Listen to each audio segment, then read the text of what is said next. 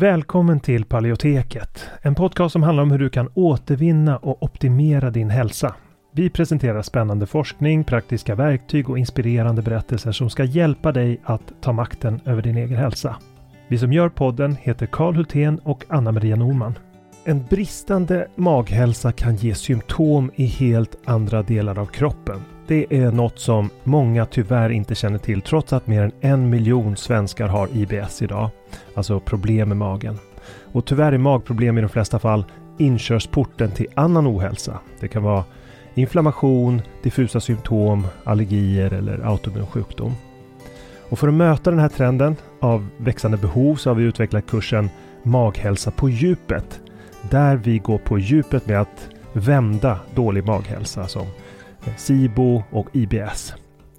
Och det här är viktiga delar av kursen som vi talar om och den senaste forskningen på de områdena. Och vi djupdyker i vad forskningen säger om de senaste naturliga terapiformerna, kostmetoder, kosttillskott, probiotika och så vidare. Och kursen den kickar igång fredagen den 3 maj och har fyra olika faser och tre frågestunder live. Och dessutom har vi olika resurser och guider att ladda ner från kursplattformen. Så du kommer få lära dig allt om hur du kan använda kosten som en väg till läkning, när, var och hur, hur du kan använda olika kosttillskott och probiotika. Och om du redan är medlem i Hälsodetektiverna så får du som vanligt en rabatt på allt vi gör, så även den här kursen. Och den här kursen tror vi är en perfekt väg för dig mot en bättre maghälsa där du inte bara får lära dig ett metodiskt tillvägagångssätt för att minska dina symptom utan också förstå de underliggande orsakerna. För att läsa mer om kursen och anmäla dig till den går in på paleoteket.se och klickar på utbildning. Eller klicka dig vidare från länkarna i podcastbeskrivningen. Så varmt välkommen till Maghälsa på djupet. Vi ses där när kursen startar, den 3 maj. Innan vi kör igång med dagens tema vill jag påminna om att den här podcasten har ett utbildande syfte och inte utgör medicinsk rådgivning. Nu kör vi!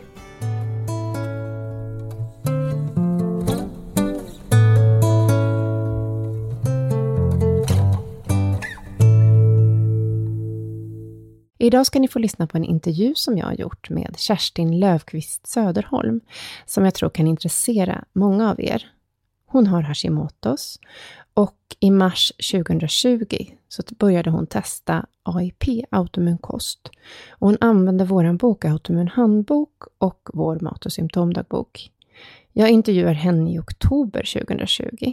Så det har gått ett antal månader och hon har lärt sig en hel del om sin egen kropp och har lyckats bli av med en lång rad symptom. Idag är det faktiskt så att det är två år sedan vi kom ut med vår bok Autoimmun handbok. Och vi vill fira det lite grann och då tycker jag att det här avsnittet med Kerstin är ett bra sätt att fira. Jag skulle också vilja läsa några recensioner bara innan vi kör igång med intervjun. Eh, för det finns så fina recensioner på Bokus. Kristina Bergman skriver imponerande. En mycket omfattande och välskriven hälsobok.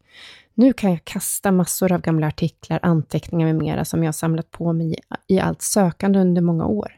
Här finns det jag behöver just nu, min nya uppslagsbok. Och J.E.T. skriver, vill du bli fri från verk? I boken får du alla verktyg du behöver för att lyckas. Jag är nöjd med innehållet som beskriver och förklarar vilken mat som läker och varför. Rekommenderas varmt. Och sen är det faktiskt så att det är totalt 41 personer som har röstat och i genomsnitt så har boken fem stjärnor på Bokus. Man blir ju himla glad. Intervjun med Kerstin är en av många intervjuer i vår onlinekurs Antiinflammatorisk kost AIP, som har pågått nu under 12 veckor. Det här är kursens sista vecka som börjar nu. Det börjar en ny kursomgång hösten 2021 och det går att anmäla intresse om du går in på paleoteket.se och sen så klickar du på utbildning så kommer du till landningssidan där du får läsa om kursen och du kan skriva upp dig på intresselistan. Men nu till intervjun med Kerstin.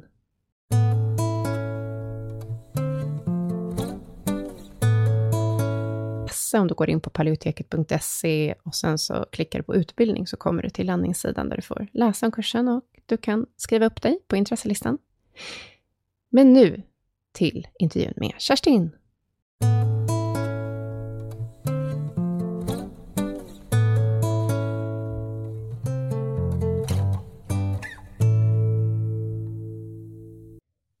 Mm. Hej Kerstin Söderholm. Välkommen till Paleoteket. Hej. Tack så mycket. Ja. Jag har bjudit in dig idag eftersom jag är nyfiken på din hälsoresa. Jag har bara sett dig skriva lite i Facebookgruppen Autoimmuna mm. protokollet AIP Sverige, där jag är administratör. Um, så då tänkte jag att dig vill jag intervjua. Du har ju ganska nyligen gjort i alla fall den här kostomställningen till AIP. Men första frågan är då, kan du berätta lite om dig själv och eh, vem du är och beskriva din hälsoresa? Ja, jag är 62 år. Jag är gift, har barn och barnbarn, bor i Täby utanför Stockholm. Och jag, redan som liten hade jag lite problem med hälsan, för jag hade mycket öroninflammationer och eh, blåskatarr, eh, halsbränna eh, och när jag var runt tio så fick jag pollenallergi. Och det har följt mig, men jag lärde mig leva med det. Eh, och sen när jag fick mitt första barn när jag var 25, då fick jag problem med att jag började bli frusen och fick väldigt ont i musklerna och väldigt trött. Och det tog tio år innan man kom på att det var sköldkörteln. Att jag hade hypotyreos, Hashimotos. Och då fick jag Levaxin. Och senare även Leotyronin som är tilläggsmedicin. Men jag blev aldrig riktigt bra. Det var fortsatt problem med trötthet och ömma muskler och sådär. Eh, och när jag var runt 40 så eh, ändrades min arbetssituation. Det blev väldigt tufft och jobbigt på jobbet. Eh, så efter några år så blev jag utbränd och blev sjukskriven och var hemma i nästan ett år. Och efter det har jag inte hämtat igen mig. Och alla problem jag haft har jag tänkt att det beror på stressen. Så när jag var 61, då tog jag tidig pension. Jag tänkte att nu kommer allting att lösa sig. Och när jag hade varit pensionerad i ett halvår och haft det lugnt och jättebra, då insåg jag att jag mår ju inte alls bra. Jag var um, överviktig och jag hade ont i musklerna. Jag var håglös, började få artrit i fingrarna, hade ont i fötterna, hade mycket hosta, eh, harklade mig hela tiden. Ehm, och jag satt ofta i halsen. Det fastnade, tabletter jag svalde fastnade, jag var stel och svag. Och då kände jag att nu kan jag inte vänta längre på att någonting ska bli bättre. Nu måste jag göra någonting åt det här. Och då hade jag försökt genom åren lite. Jag hade gått hos näringsterapeut, sjukgymnast, stressterapeut, homeopat, jag gick på yoga. Men det var liksom inget som kom åt problemet. Eh, och det var då jag insåg att nu måste jag ta tag i min situation. Och då testade jag LCHF. Jag fick någonstans man fick två veckor gratis med eh, menyer och hela inköpslistan. Och efter tre veckor med LCHF så mådde jag jättedåligt. Jag var alldeles eh, kraftlös, jag var alldeles grå i hyn, håret såg förfärligt ut och jag kände äckel för mat. Jag bara kände att det här är bara jättefel. Och då var det en näringsterapeut som sa till mig att jag tror du ska testa AIP. Och då hade jag läst på det innan och tänkt att det är alldeles för tufft. Det, det kommer jag inte orka. Och sån självdisciplin har jag inte. Men då hade jag lärt mig under veckorna med, med LCHF att hålla en strikt diet och kolla vad jag åt och så. Och då blev det lite inkörsport. Så där, där började jag med AIP. Mm. Nu är det ju oktober 2020. Eh, om mm. vi går och tittar lite i tiden här. Eh, när började du med LCHF? Det började med i slutet på januari 2020. Ja, och när började du med AIP? I början på mars. Ja. Så det är det här året egentligen som du har börjat experimentera med kosten, eller hur? Ja, det, du har inte gjort precis. det tidigare alls, eller? Du har ätit... Jo, alltså jag har försökt låta bli socker och gluten och eh, mjölkprodukter under perioden. Mm. Men jag har inte märkt någon större skillnad. Och ett tag så, så sa de att jag hade candida och då skulle jag köra lågkolhydrat. Och det här var innan man började med LCHF, det vill säga jag åt inte mycket fett heller, så jag åt lågkalorikost. Mm. Eh, och det var förödande, för det var då jag till slut föll igenom och blev sjukskriven. Ja, men det stressade ditt, dina, ditt system tror jag. Ja, ja, precis. Äta så lite kalorier. Ja, jag tror det. Jag gick ju ner i vikt och det var ju mm. välkommet, men det var ett högt pris. Ja. Mm. Ja, men vad spännande. Ja, men när du började med AIP då, eh, hur, hur, hur gick det för dig då? Hur funkade den första perioden? Jag tänker den första eh, månaden. Ja, alltså jag höll ju strikt. Eh, och jag tyckte det var jättejobbigt. Och jag tyckte jättesynd om mig själv och jag klagade jättemycket. Men redan efter, efter en månad så märkte jag att jag orkar mycket mer. Eh, jag tyckte inte när jag satt hemma i soffan på morgonen, men jag känner mig inte pigg än vad jag brukar. Men när vi sen börjar gå ut på promenad eller hitta på saker, då märker jag att jag orkar gå mycket längre. Eh, och jag har ju faktiskt inte haft huvudvärk på länge. Så, ja, det, det kröp på väldigt mycket grejer som blev bättre snabbt. Mm. Och då var ju det april, april under april månad, maj. Mm. Um, och hur länge höll du då en strikt AIP-kost innan du började testa? Eller hur, hur utvecklade det sig? Eh, liksom? Ja, jag, jag Hade du göra några korrigeringar eller hur, hur, var det för dig? Ja, fast det förstod jag inte första månaden. Men sen fick jag börja göra korrigeringar på saker som jag faktiskt inte tålde, även om det rymdes inom AIP. Mm. Um, så första månaden hade jag mycket ont i magen.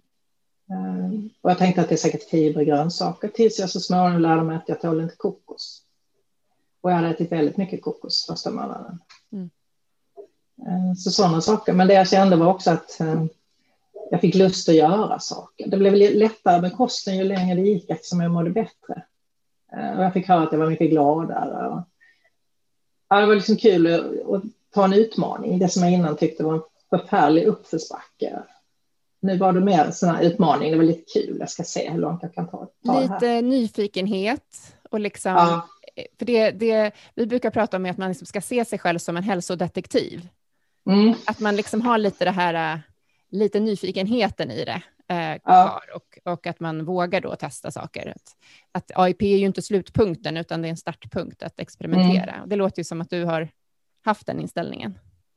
Ja, och sen så snart jag upptäckte att jag kunde hitta saker själv, som det här att jag inte tålde kokos till exempel, eh, då blev det ännu ro, liksom roligare att läsa på mer och mm. mer. Och så småningom så kom jag in på att jag inte tålde oxalat och då fick jag läsa på om det. Ehm, det var faktiskt en kompis som sa till mig, jag tror det här blir jättebra för dig, för du gillar sådana här intellektuella utmaningar. Ja, men precis. Ja. Alltså, det kan ju också vara en stress att känna så här, jag trodde AIP skulle vara lösningen på allt och så upptäcker jag att jag inte tog kokos. Ja. Då kan man ju bli ledsen. Ja, också. fast för mig var det faktiskt tvärtom. Mm. För var, jag hade blivit så väldigt mycket bättre i hälsan. Mm. Så det där att inte tala kokos, det var mer, ah, jag hittade en nyckelbit till. Eller pusselbit. Mm såg det till. Ja. Ja, och så då, då när du tog bort kokos så lugnade sig magen lite kanske då, eller? Ja, direkt mm. faktiskt. För först tog jag bort kokosmjölk och riven kokos, för det insåg jag att jag blev väldigt täppt i näsan. Jag var täppt i näsan varenda natt första månaden innan jag insåg vad det var. Uh, och sen tänkte jag att kokosolja, men det är säkert mycket lättare och det ingår i så väldigt mycket, så jag kör på det i alla fall.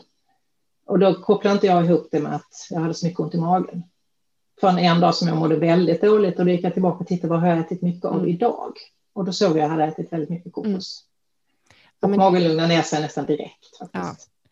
Nej, men det där är otroligt vanligt. Vi försöker varna för mm. kokos. Mm. Ja. Alltså, så här, för man kan ju äta kokos, men man ska inte ta in det som en ny pusselbit som man äter varje dag, för det är det många Nej. gör. För de vill ha det som man har istället för mejeriprodukter till exempel, och så är det ett mm, bra precis. snacks och så liksom mm. lägger man till kokos i allt. Um, chocka kroppen med kokos. Ja, ja så blev det verkligen för mig. Uh, um, Okej då, men, men du nämnde det här med oxalater. Hur, hur, hur kom du på det då? Vad, vad var du kände av då? Alltså det var egentligen väldigt diffust. För jag har länge känt att när jag äter rödbetor så blir det något konstigt. Alltså att jag får liksom olust, jag blir varm och kall och svårt att sova. Eh, och det har jag känt flera år. Eh, och sen när jag äter spenat så blir det liksom, ja, men jag känner lite samma sak. Spenat är inte bra på något sätt. Och sen när jag började med AIP upptäckte jag att jag fick halsbränna av eh, sötpotatis. Eh, och kände lite samma sak. Då googlade jag helt enkelt. Jag slog ihop de tre grejerna och bara skrev in på Google. Och var hamnade jag då? Oxalater. Mm.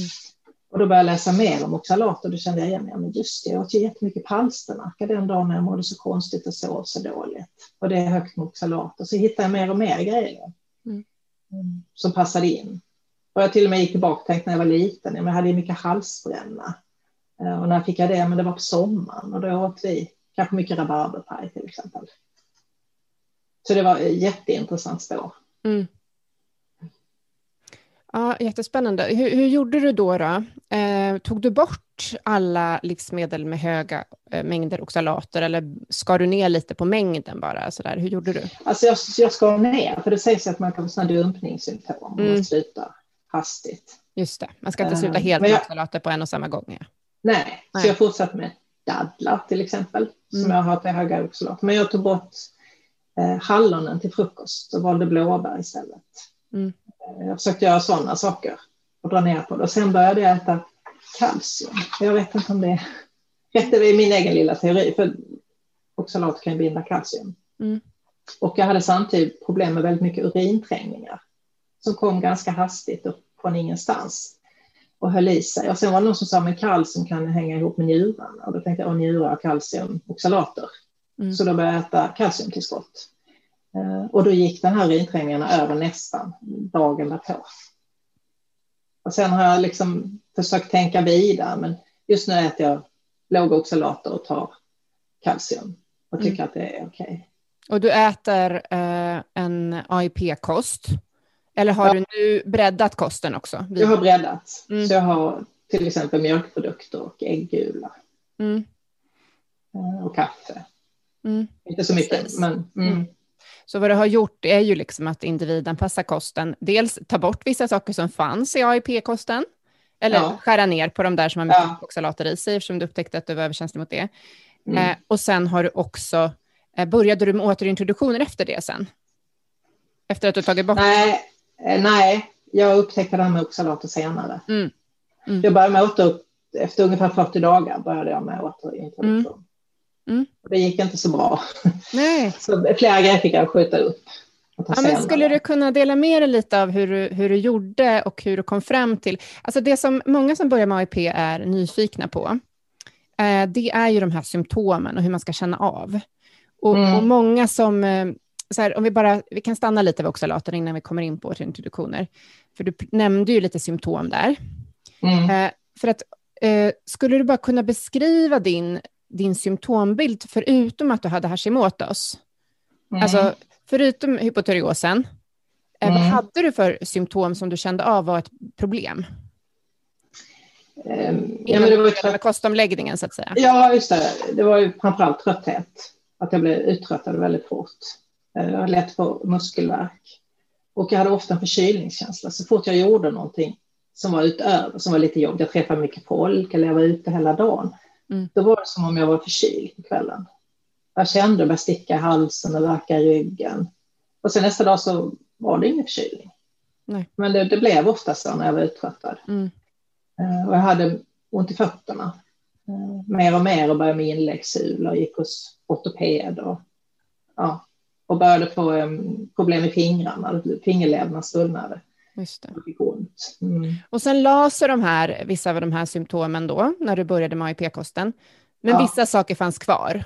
Och Ja. då såg du en koppling till oxalaterna där. ja, för det var vissa saker som kom och gick. Eh, till exempel att jag hade mycket problem med ögonen. Det kopplar väldigt mycket ihop med oxalater. Mm. Att vissa dagar var det som om jag hade ögoninflammation. Mm. Jag var liksom rödgul i ögonen och det kliade lite och var kladdig. Och, och sen fick jag mycket hosta. Och det har jag haft tydligen i flera år utan att tänka på det själv. Småhostat mycket och harklat mig mycket.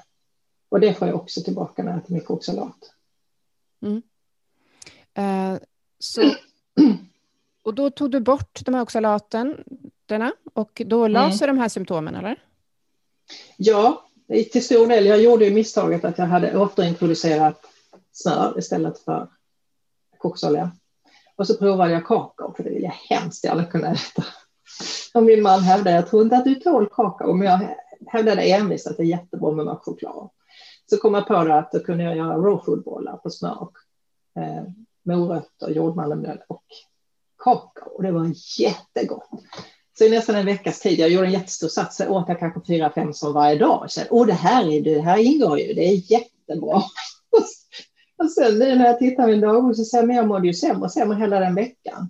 Jag skriver att jag börjar hosta mer och jag börjar få problem med ögonen. Och, och sen när det har gått en vecka, det var till och med så andra som, men gud, vad, du ser förfärlig ut. Jag kände, jag är jättesjuk. Eh, och det måste varit oxalaterna. För det, och då fick jag ju sluta tvärt med chokladen. Ja. Det tog det faktiskt en hel månad innan jag var helt tillbaka igen Mm. Och hade blivit av med just hosta och harklingar och problem med ögonen. Ja, för det var innan du visste det här med oxalaterna. Så att Ja. Du hade inte sett den kopplingen. Precis. Mm. Nej, men det fick bli jag ju varse. Kan mm. Mm. Men kan du beskriva dina återintroduktioner då? Eh, vad, vad, vad, började du med för återintroduktioner och hur valde du dem som du skulle börja med? Alltså jag följde mycket från en bok, Altomina mm. handboken, och började med GI. Uh, och det var dag 39. Men då kände jag att då fick jag tunga hjärtslag på kvällen och så fick jag hosta dagen efter. Så då avvaktade jag med det. Sen testade jag kardemumma några dagar senare. Jag hade det på stekta äpplen för det är så himla gott. Och då morgonen efter så vaknade jag med början på migrän och jag har nästan aldrig migrän. Så då kopplade jag det till kardemumman. Så fick jag lägga undan den. Sen provade jag kaffe eh, och då fick jag lite magknip en kvart. Men det var så att det låtsas jag inte om för jag vill så gärna dricka kaffe. Så då fortsatte jag med det. Och sen provade jag, ja precis, kaffe och choklad. Det är så. Och sen provade jag svartpeppar och det gick bra. Eh, sen dag på 52, då började jag med äggula. Eh, och då kokade jag ett ägg så att jag verkligen skulle få ut bara gulan och ingenting av vitan. Och då fick jag huvudvärk inom en timme.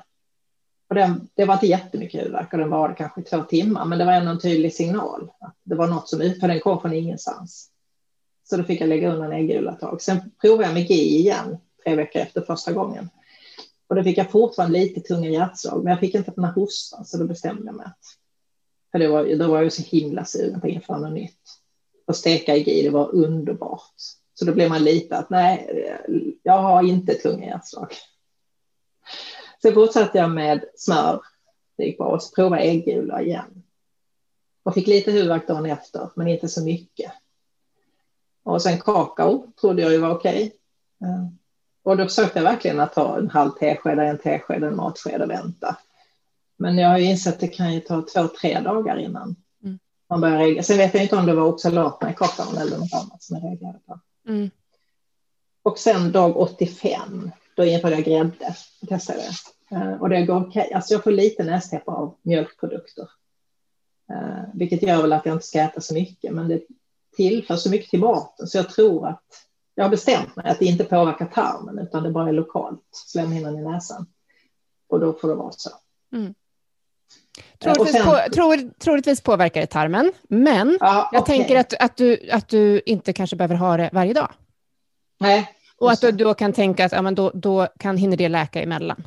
Alltså så. Aha, ja just det, det var bra. Alltså, mm. Alltså så tarmen läker ju också. Ja, det ombildas ju celler, tarmceller. Just det, just det. Ja. Ja.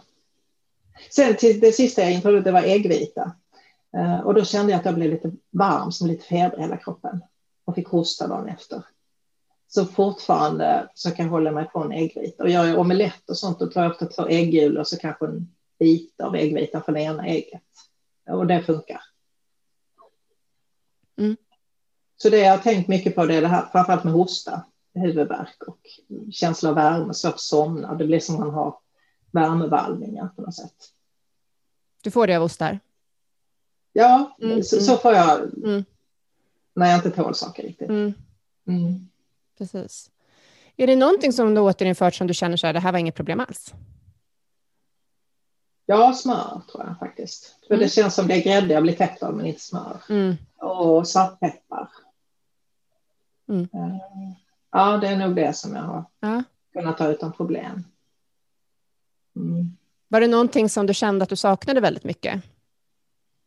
Som du ville återinföra? Förutom ja, kakao och kaffe? Äh, ja, just. Ja, men det var nog smör faktiskt. Mm. Så det är ändå en vinst att du har fått in smöret? Ja, det var det. För att jag stekte i olivolja, hällde olivolja över mat. Men kan man steka smör så blir det lite fest över. Precis. Man kan variera mm. lite med fetterna också. Ja, precis. Ja. Och fett, alltså smör är ju ett hälsosamt fett om man, om man tål mjölkproteinet så att säga. Så att mm. det är det. Ja. ja, men jättespännande. Vilken dag är du inne på nu då? Du verkar kunna räkna exakt vilken dag du är på där Nej, i din var... symptomdagbok. jag hade skrivit upp. Nej, jag har hållit på sedan 9 eh, mars, så mm. det är sju månader ungefär. Mm. Så nu räknar jag inte riktigt dagar längre, utan jag kör på, men jag fortsätter skriva ner vad jag äter. Mm. Hur länge var du gjorde en återintroduktion då? Alltså jag har nog, vad ska man säga, jo, igår förresten, för då provade jag tomater och då skalade jag tomaterna och tog bort kärnorna. Så du, åt det för första, då, du åt det för första gången igår? Nej, jag har faktiskt haft sådana fuskdagar över midsommar till exempel. Mm. Då fick jag äta vad jag ville. Och då åt jag tomater och nypotatis och sånt. Och det gick jättebra i tre dagar och jag var så lycklig. Sen, sen kom ju hostan och ögonen började eh, bli konstiga.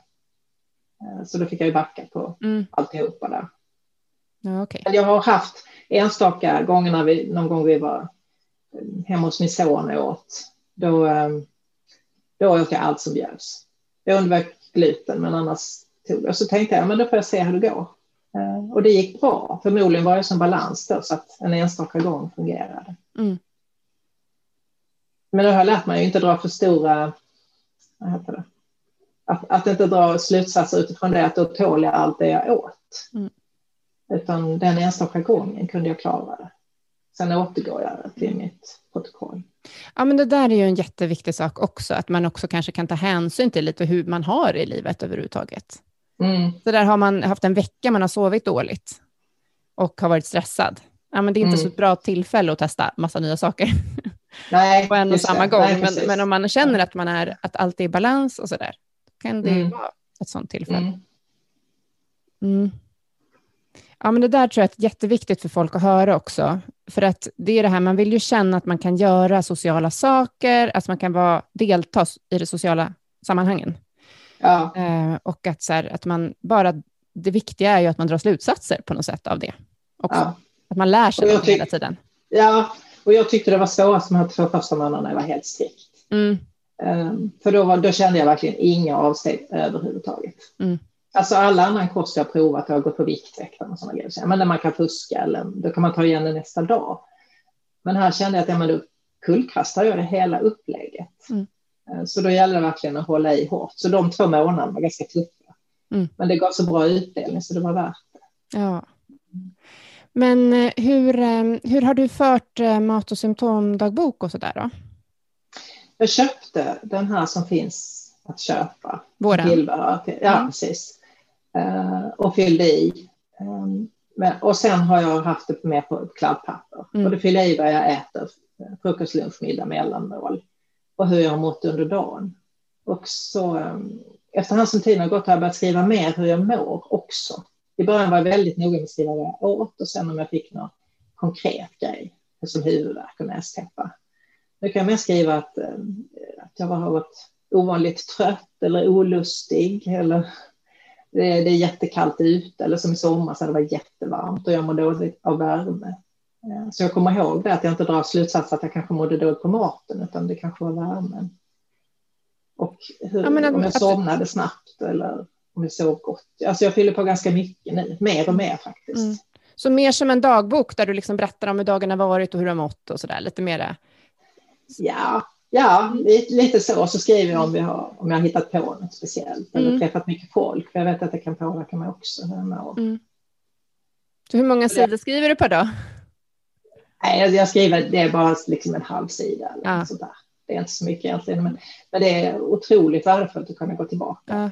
Men jag tänker att eh, folk, man måste hitta sitt eget sätt liksom, eh, ja. som funkar för en. Som för vissa funkar det här eh, väldigt så här, strikta i mat och symptomdagbok. Mm. Eh, det kanske kan vara bra i början också för att man liksom ska lära sig det här och skanna kroppen och så där. Det är lite det som är tanken, mm. att det är liksom en bild på en kropp och att man ska ja, lära sig att man ska tänka igenom kroppen från huvud till tå. Så. Mm. Men, eh, men för vissa kanske det också bara känns mäckigt. Då kan det ju som sagt vara bra att bara skriva några noteringar. Liksom. Ja. Um, sen finns det ju appar att använda också, kanske att man har log loggar maten och sådär, tar bilder på maten kan man göra också. Ja, nej, jag kände att det blev för mycket på något vis. Jag försökte ja, göra det så enkelt som möjligt. Ja, precis. Jag tänker att man ska bara hitta det som funkar och som man faktiskt gör. Ja, precis. Mm. Men du berättade ju lite kring det här med eh, eh, alltså att du hade varit utmattad och så. Mm. Eh, och eh, hur, hur, har du jobbat med de här med lite mer livstidsfaktorer som återhämtning och har du använt några tekniker för att komma ner i varv och, och komma tillbaka? Menar du just nu under AIP eller generellt? Nej, jag kanske menar generellt och sen som det är någonting mm. du har mm. tagit med dig inom, in, i den här perioden också. Alltså jag har ju gått på, på stressrehab och lärt mig hantera stress. Um, Ja, jag vet inte. Jag har ju lärt mig mindfulness, eh, vilket kan vara bra ibland och kan vara jättedåligt ibland om man inte alls mår bra eh, och sitter och tittar på sin situation här och nu som mindfulness är och börjar bedöma den. Så det är bra i vissa lägen. Ehm, och jag har lärt mig att ehm, om jag ska göra någonting eh, jobbigt så måste jag planera tid för återhämtning efteråt. Ehm, och gör jag någon stor grej eller sover över någonstans eller är på någon, som när jag var på konferens, ja då behöver jag en vilodag efter det. Och inte titta på att alla andra orkar och alla andra kan. För det är inte intressant för mig, för jag orkar inte och jag kan inte så mycket. Och då har jag också sökt mig till sammanhang där det finns folk som känner likadant som jag. Och det är en väldig lättnad att få höra att ja, men så här kan man känna och så kan det bli. Och det är inte konstigt. Och då behöver du ta hand om dig själv. Sen när det gäller eh, nu. Jag fick lära mig när jag var stressad att eh, rutin är väldigt bra. Och jag tyckte det lät jättetråkigt och fyrkantigt och oflexibelt. Tills en psykolog sa till mig, men se rutiner som en krycka i vardagen när du inte orkar med riktigt. Att den hjälper dig. Eh, och nu tycker jag det är fantastiskt skönt med rutiner för då slipper jag tänka och överväga hela tiden. Och det passar ju väldigt bra när jag skulle börja äta mer planerat. Eh, tänka igenom vad ska jag äta den här veckan, vad ska jag handla? Ehm, när på dagen är det lagom att äta och då måste jag börja laga maten innan. Så det har jag haft nytta av tycker jag. Mm. Mm. Och hur, um, hur ser dina rutiner ut då, ungefär? Vecko, ja. veck, veckobasis eller? Ja, vi har inte så mycket rutiner så att jag köper mat en speciell dag och planerar hela veckan. Men ändå rutin att tänka lite framåt. Att inte tänka vad ska vi ha till middag idag utan kanske tänka vad ska vi ha till middag imorgon. För det blir ju ändå, de mesta rutiner som har ändrats för mig det är ju runt maten. Eh, och ja, faktiskt om man åker iväg någonstans, innan tror jag vi åkte iväg någonstans min man och jag, så ja, men vi fikar någonstans för nu börjar vi bli hungriga. Medan nu tänker man, nej, men vi käkar lunch innan vi åker, så vi är mätta. Och så kan man ta med sig en frukt istället. Just det. Mm. Men hur brukar en eh, vecko, eh, alltså maten, hur brukar det se ut för dig en vecka? Ungefär, vad äter du? Jag äter jordmandelgröt på morgonen och då har jag ofta blåbär och lite banan i. Och sen har jag bakat kassavabröd som finns i er bok. Ehm, och jag vet att man ska begränsa kassava och jordmandel lite, men det är också sånt där, nej det blir för jobbigt, nu jag, jag kör det här. Jag har det till macka på morgonen för jag tycker det är så gott och det, blir så bra. Och sen eh, till lunch har jag ofta numera äggulor som jag steker med lite bacon kanske och med squash som är så billigt nu och så lätt att tillaga. Och sen sallad och lite olja på det. Och till middag har vi ofta kyckling eller lax, torsk eller köttfärs. Och då lagar jag alltid, vi är två i hushållet, då lagar jag alltid så det blir fyra portioner. Vi disciplinerar oss och inte äta mer. Så har vi samma middag två dagar i sträck alltid. För jag tycker det är jättetråkigt att laga mat. Eh, och då är det så skönt att veta att det finns mat varannan dag i alla fall. Ja, men vad bra. Då blir det också mm. lite variation, för det är ändå bara två dagar som man äter samma och sen kan man variera ja, nästa precis. två dagar. Ja, ja. Och blir det mer kvar så ser jag till att stoppa i frysen, även om det är en halv kycklingfilé som man tänker det här räcker inte till någonting. Ja, men då kan jag ha den till lunch, då kan jag steka upp den med squash till exempel, eller lite lök, mm. som en sorts pyttipanna. Så allt är värt att spara också. Verkligen, det gör vi mm. också. Mm. Alltså så här att det är, det är liksom små koppar i kylen av saker. Ja, så det var lite kvar. Ja, för det betyder jättemycket när man tar fram dem nästa dag. Ja, jag äter alltid mm. barnens rester också. Så det... Jaha. Det är alltid bra, det är plockmat liksom. Sådär. Ja. Mm. Ja. Uh, ja, men vad bra. Det, det låter som ett bra tips där. Att, uh, ja, du har en standardfrukost som du uppskattar. Sen har du, lagar du mat för två dagar eh, åt mm. gången. Mm. Um, brukar du hålla det liksom ganska enkelt eller är det att du letar upp recept och sådär?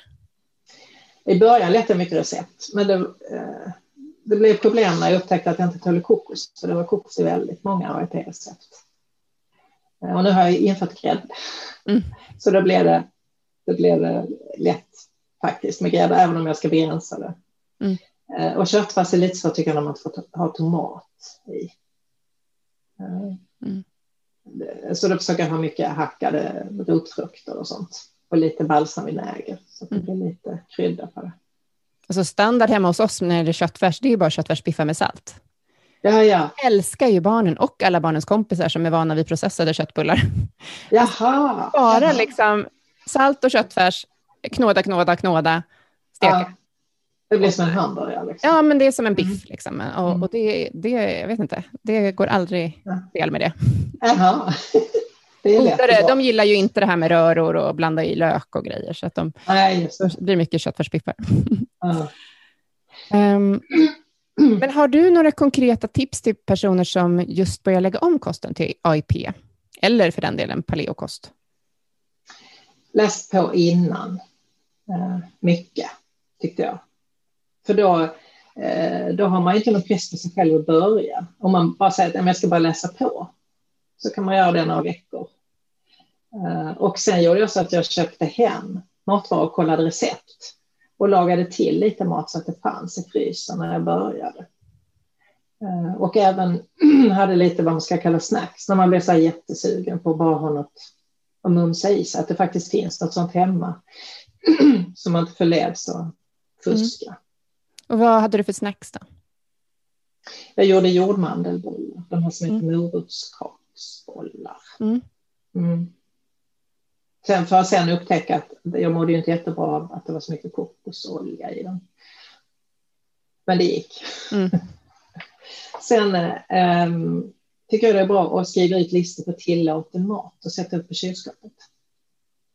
Inte, inte på det som inte är tillåten, tillåten. Vi hade en sån lista så hade vi några hemmahamnar som stod och tittade på den listan. Så sa de, men du får ju äta jättemycket, du får ju äta det mesta, sa de. Och det är så det känns när man tittar på den listan. Så den tycker jag är jättebra framme. Mm. Och sen skriva dagbok. Absolut.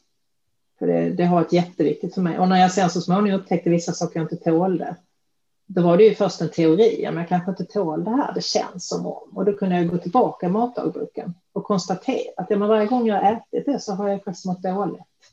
Även om den gången trodde jag att det berodde på något annat.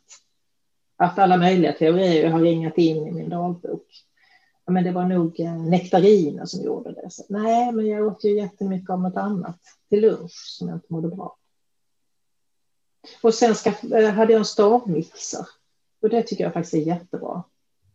Jag använder till soppor och sånt där. Och sen när man ska äta något och blir jättesugen på potatis eller potatismos till, då kokar jag blomkål och så mixar jag det med lite olivolja och habanero-salt och lite lökpulver. Och då blir det som en sorts potatismos. Och det är så himla lätt när man har stavmixer. Så den har jag använt jättemycket. Verkligen. Blomkålsmos och broccolimos brukar vi göra. Ja, mm. ja just det. Mm. Mm. Jättebra tips. Um, skulle du bara kunna summera hur du äter idag efter sju månader? Eh, Ja, eh, jag äter frukost, lunch och middag. Eh, och samma middag eller två dagar i sträck. Nej, men jag tänkte mer så här, hur, hur kosten ser ut. Äter du AIP plus? Vad äter Jaha, du? du menar så ja. Mm. Eh, ja, jag äter väl AIP kan man säga, plus lite mjölkprodukter, ägg, kryddor.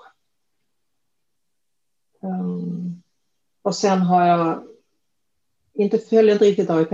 Jag har inte alltid koll hur mycket socker till exempel, fruktos jag äter. Eller håller igen på kassava, jordmandelmjöl eller sånt, utan det har jag släppt lös på något sätt. Men annars följer jag tänker mycket AIP. Sen ibland när jag inte kan följa det så jag, jag gör ett tillfälligt avsteg. Men sen mm. går jag tillbaka till grunden för AIP på något sätt. Mm. Och just nu är jag lite sådär beråd, för jag vet inte hur jag ska komma ur det här. Eller vad man ska säga. Eh, hur jag ska hitta normal kost. Om ska jag gå över till paleo ska jag börja testa nötter. För nu är jag så inne på AIP så det tar emot lite att prova det som jag vet innehåller till exempel lektiner. Mm.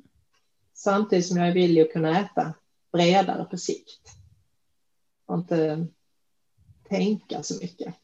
Ja, men det där är ju intressant. Liksom hur, hur, hur, eh, hur skulle du vilja att det var på lång sikt?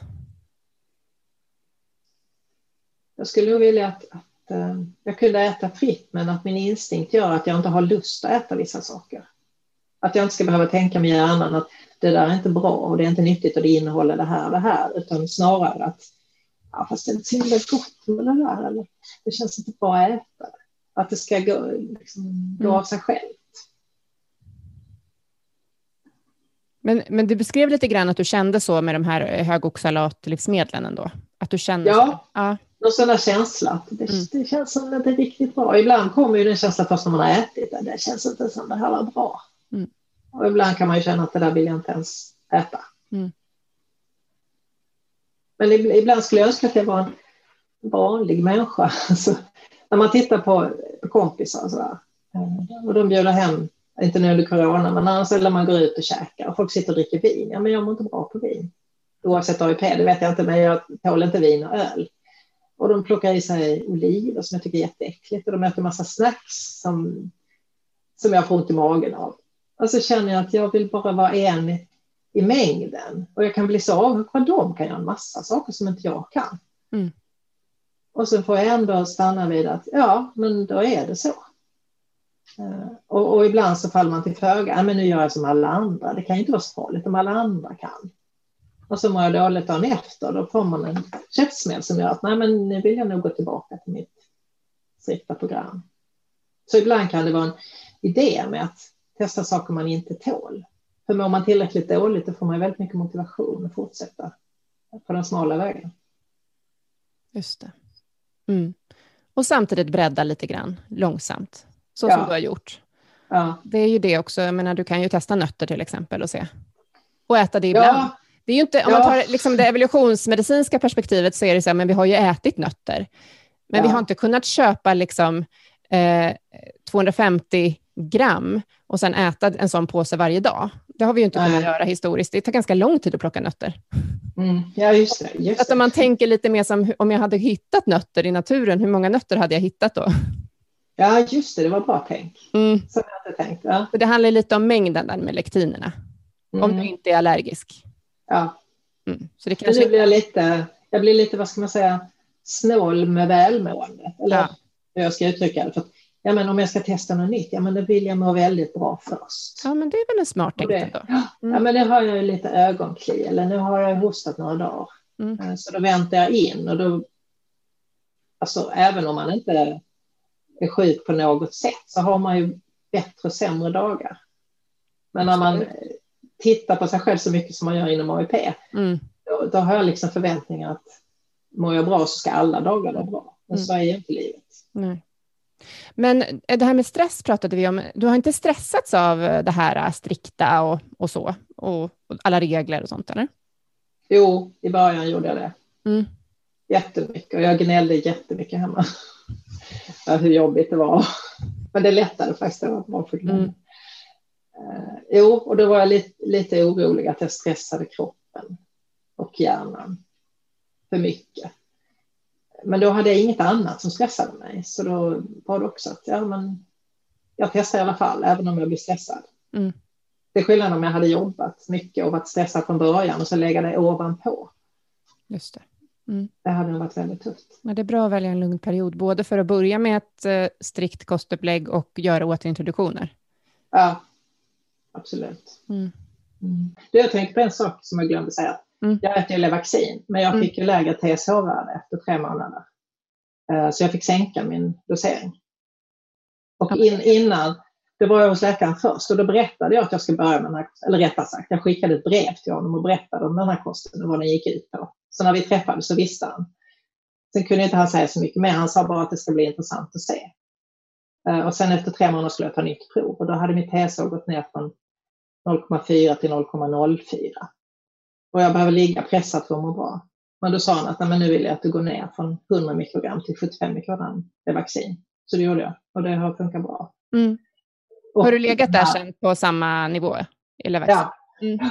Och sen den här att jag satte allt i halsen. Varje gång jag svalde tablett så fastnade den på ett visst ställe i halsen. Och jag trodde att jag hade väl något gammalt ärr. Men det har försvunnit. Så det måste ju varit en svullnad runt sköldkörteln som försvann sen. Ja, men det är ju jättebra. Men det där är ju mm. viktigt också med, med värdena och sådär. Vissa ligger ju helt... Alltså för vissa funkar ju inte medicineringen. Nej. Och då kan ju kosten göra att också medicineringen funkar. Ja, för jag har varit jättemycket inne på att jag skulle prova sådana NDT, alltså grissköldkörtel och att, att, medicinen inte tar. Och jag liksom snurrade in mig i det väldigt mycket för några år sedan.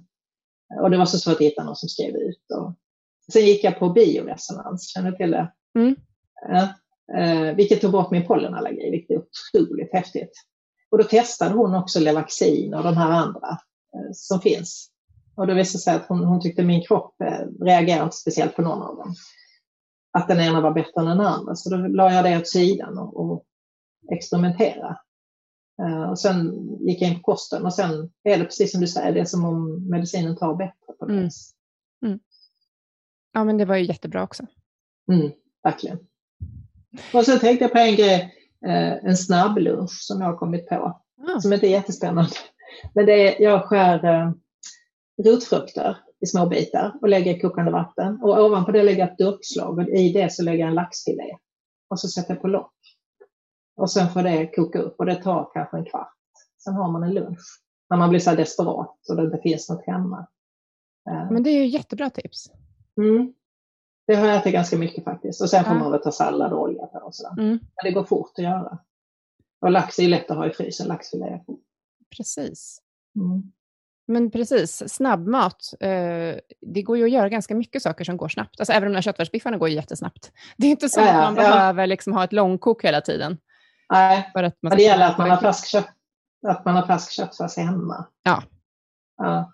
Och då är det så bra att ha grejer i frysen. Mm. Eller jag har köpt sådana blomkålsris mm. som man kan steka upp. Mm, det är också jättebra att ha till. Mm. mm. Ja. ja, men det var jättespännande att höra din eh, mm. berättelse och dina, alla dina erfarenheter eh, de senaste sju månaderna. Det är inte så mm. lång tid, men du har lärt dig jättemycket. Ja. Om dig själv och vad du mår bra av. Och, och sen en bieffekt som jag inte var beredd på. Jag har gått ner 15 kilo, så nu är jag normalviktig. Mm. Och det var inte mitt mål när jag började. Men det blev en oväntad bonus. Och det är precis som kroppen gjorde sig av med så mycket som behövdes. Mm. För sen när jag kom ner på normalvikt, eh, rätt BMI, då har jag inte gått ner mer eh, på flera månader. Så det känns som att nu har kroppen hittat någon sorts balans och sundare tillstånd. Ja, jätteskönt. Mm. Ja, men är det något mer du skulle vilja säga innan vi avslutar? Ja, jag skulle vilja tacka er så jättemycket, Karl och dig, för att ni har så himla mycket bra information och utan den hade jag aldrig klarat det här. Eh, och jag går tillbaka till boken väldigt ofta och tittar och jag följer på Facebookgrupper och informationer. Eh, och det betyder jättemycket. Så Vad roligt att höra, jättekul. Mm. Ja. Tack så mycket för att du ville vara med. Tack. Tack så mycket för att du har lyssnat på det här avsnittet av Paleoteket. Vi hoppas att det har varit till nytta för dig. Om du vill få hjälp att uppnå dina hälsomål står vi redo att hjälpa dig. Vårt medlemskap Hälsodetektiverna är en gemenskap online där du träffar likasinnade, får hälsoinspiration hela året och kan ställa frågor direkt till oss på våra medlemsseminarier. Nu under våren startar också två onlinekurser. AIP Masterclass är kursen för dig som vill lära dig allt du behöver veta om kostupplägget AIP, autonomt protokoll, samtidigt som du blir guidad genom en stegvis process med både läkningsfas, utvärdering och återintroduktioner. Sen har vi kursen Maghälsa på djupet som riktar sig till dig med IBS och misstänkt eller konstaterad SIBO. Vi fokuserar helt på vad du kan göra med kost, livsstil och strategiskt utvalda kosttillskott. För dig som föredrar att läsa finns också våra fyra böcker. Besök paleoteket.se för att veta mer och glöm inte att prenumerera på vårt nyhetsbrev. Du hittar länkar i beskrivningen till podcastavsnittet.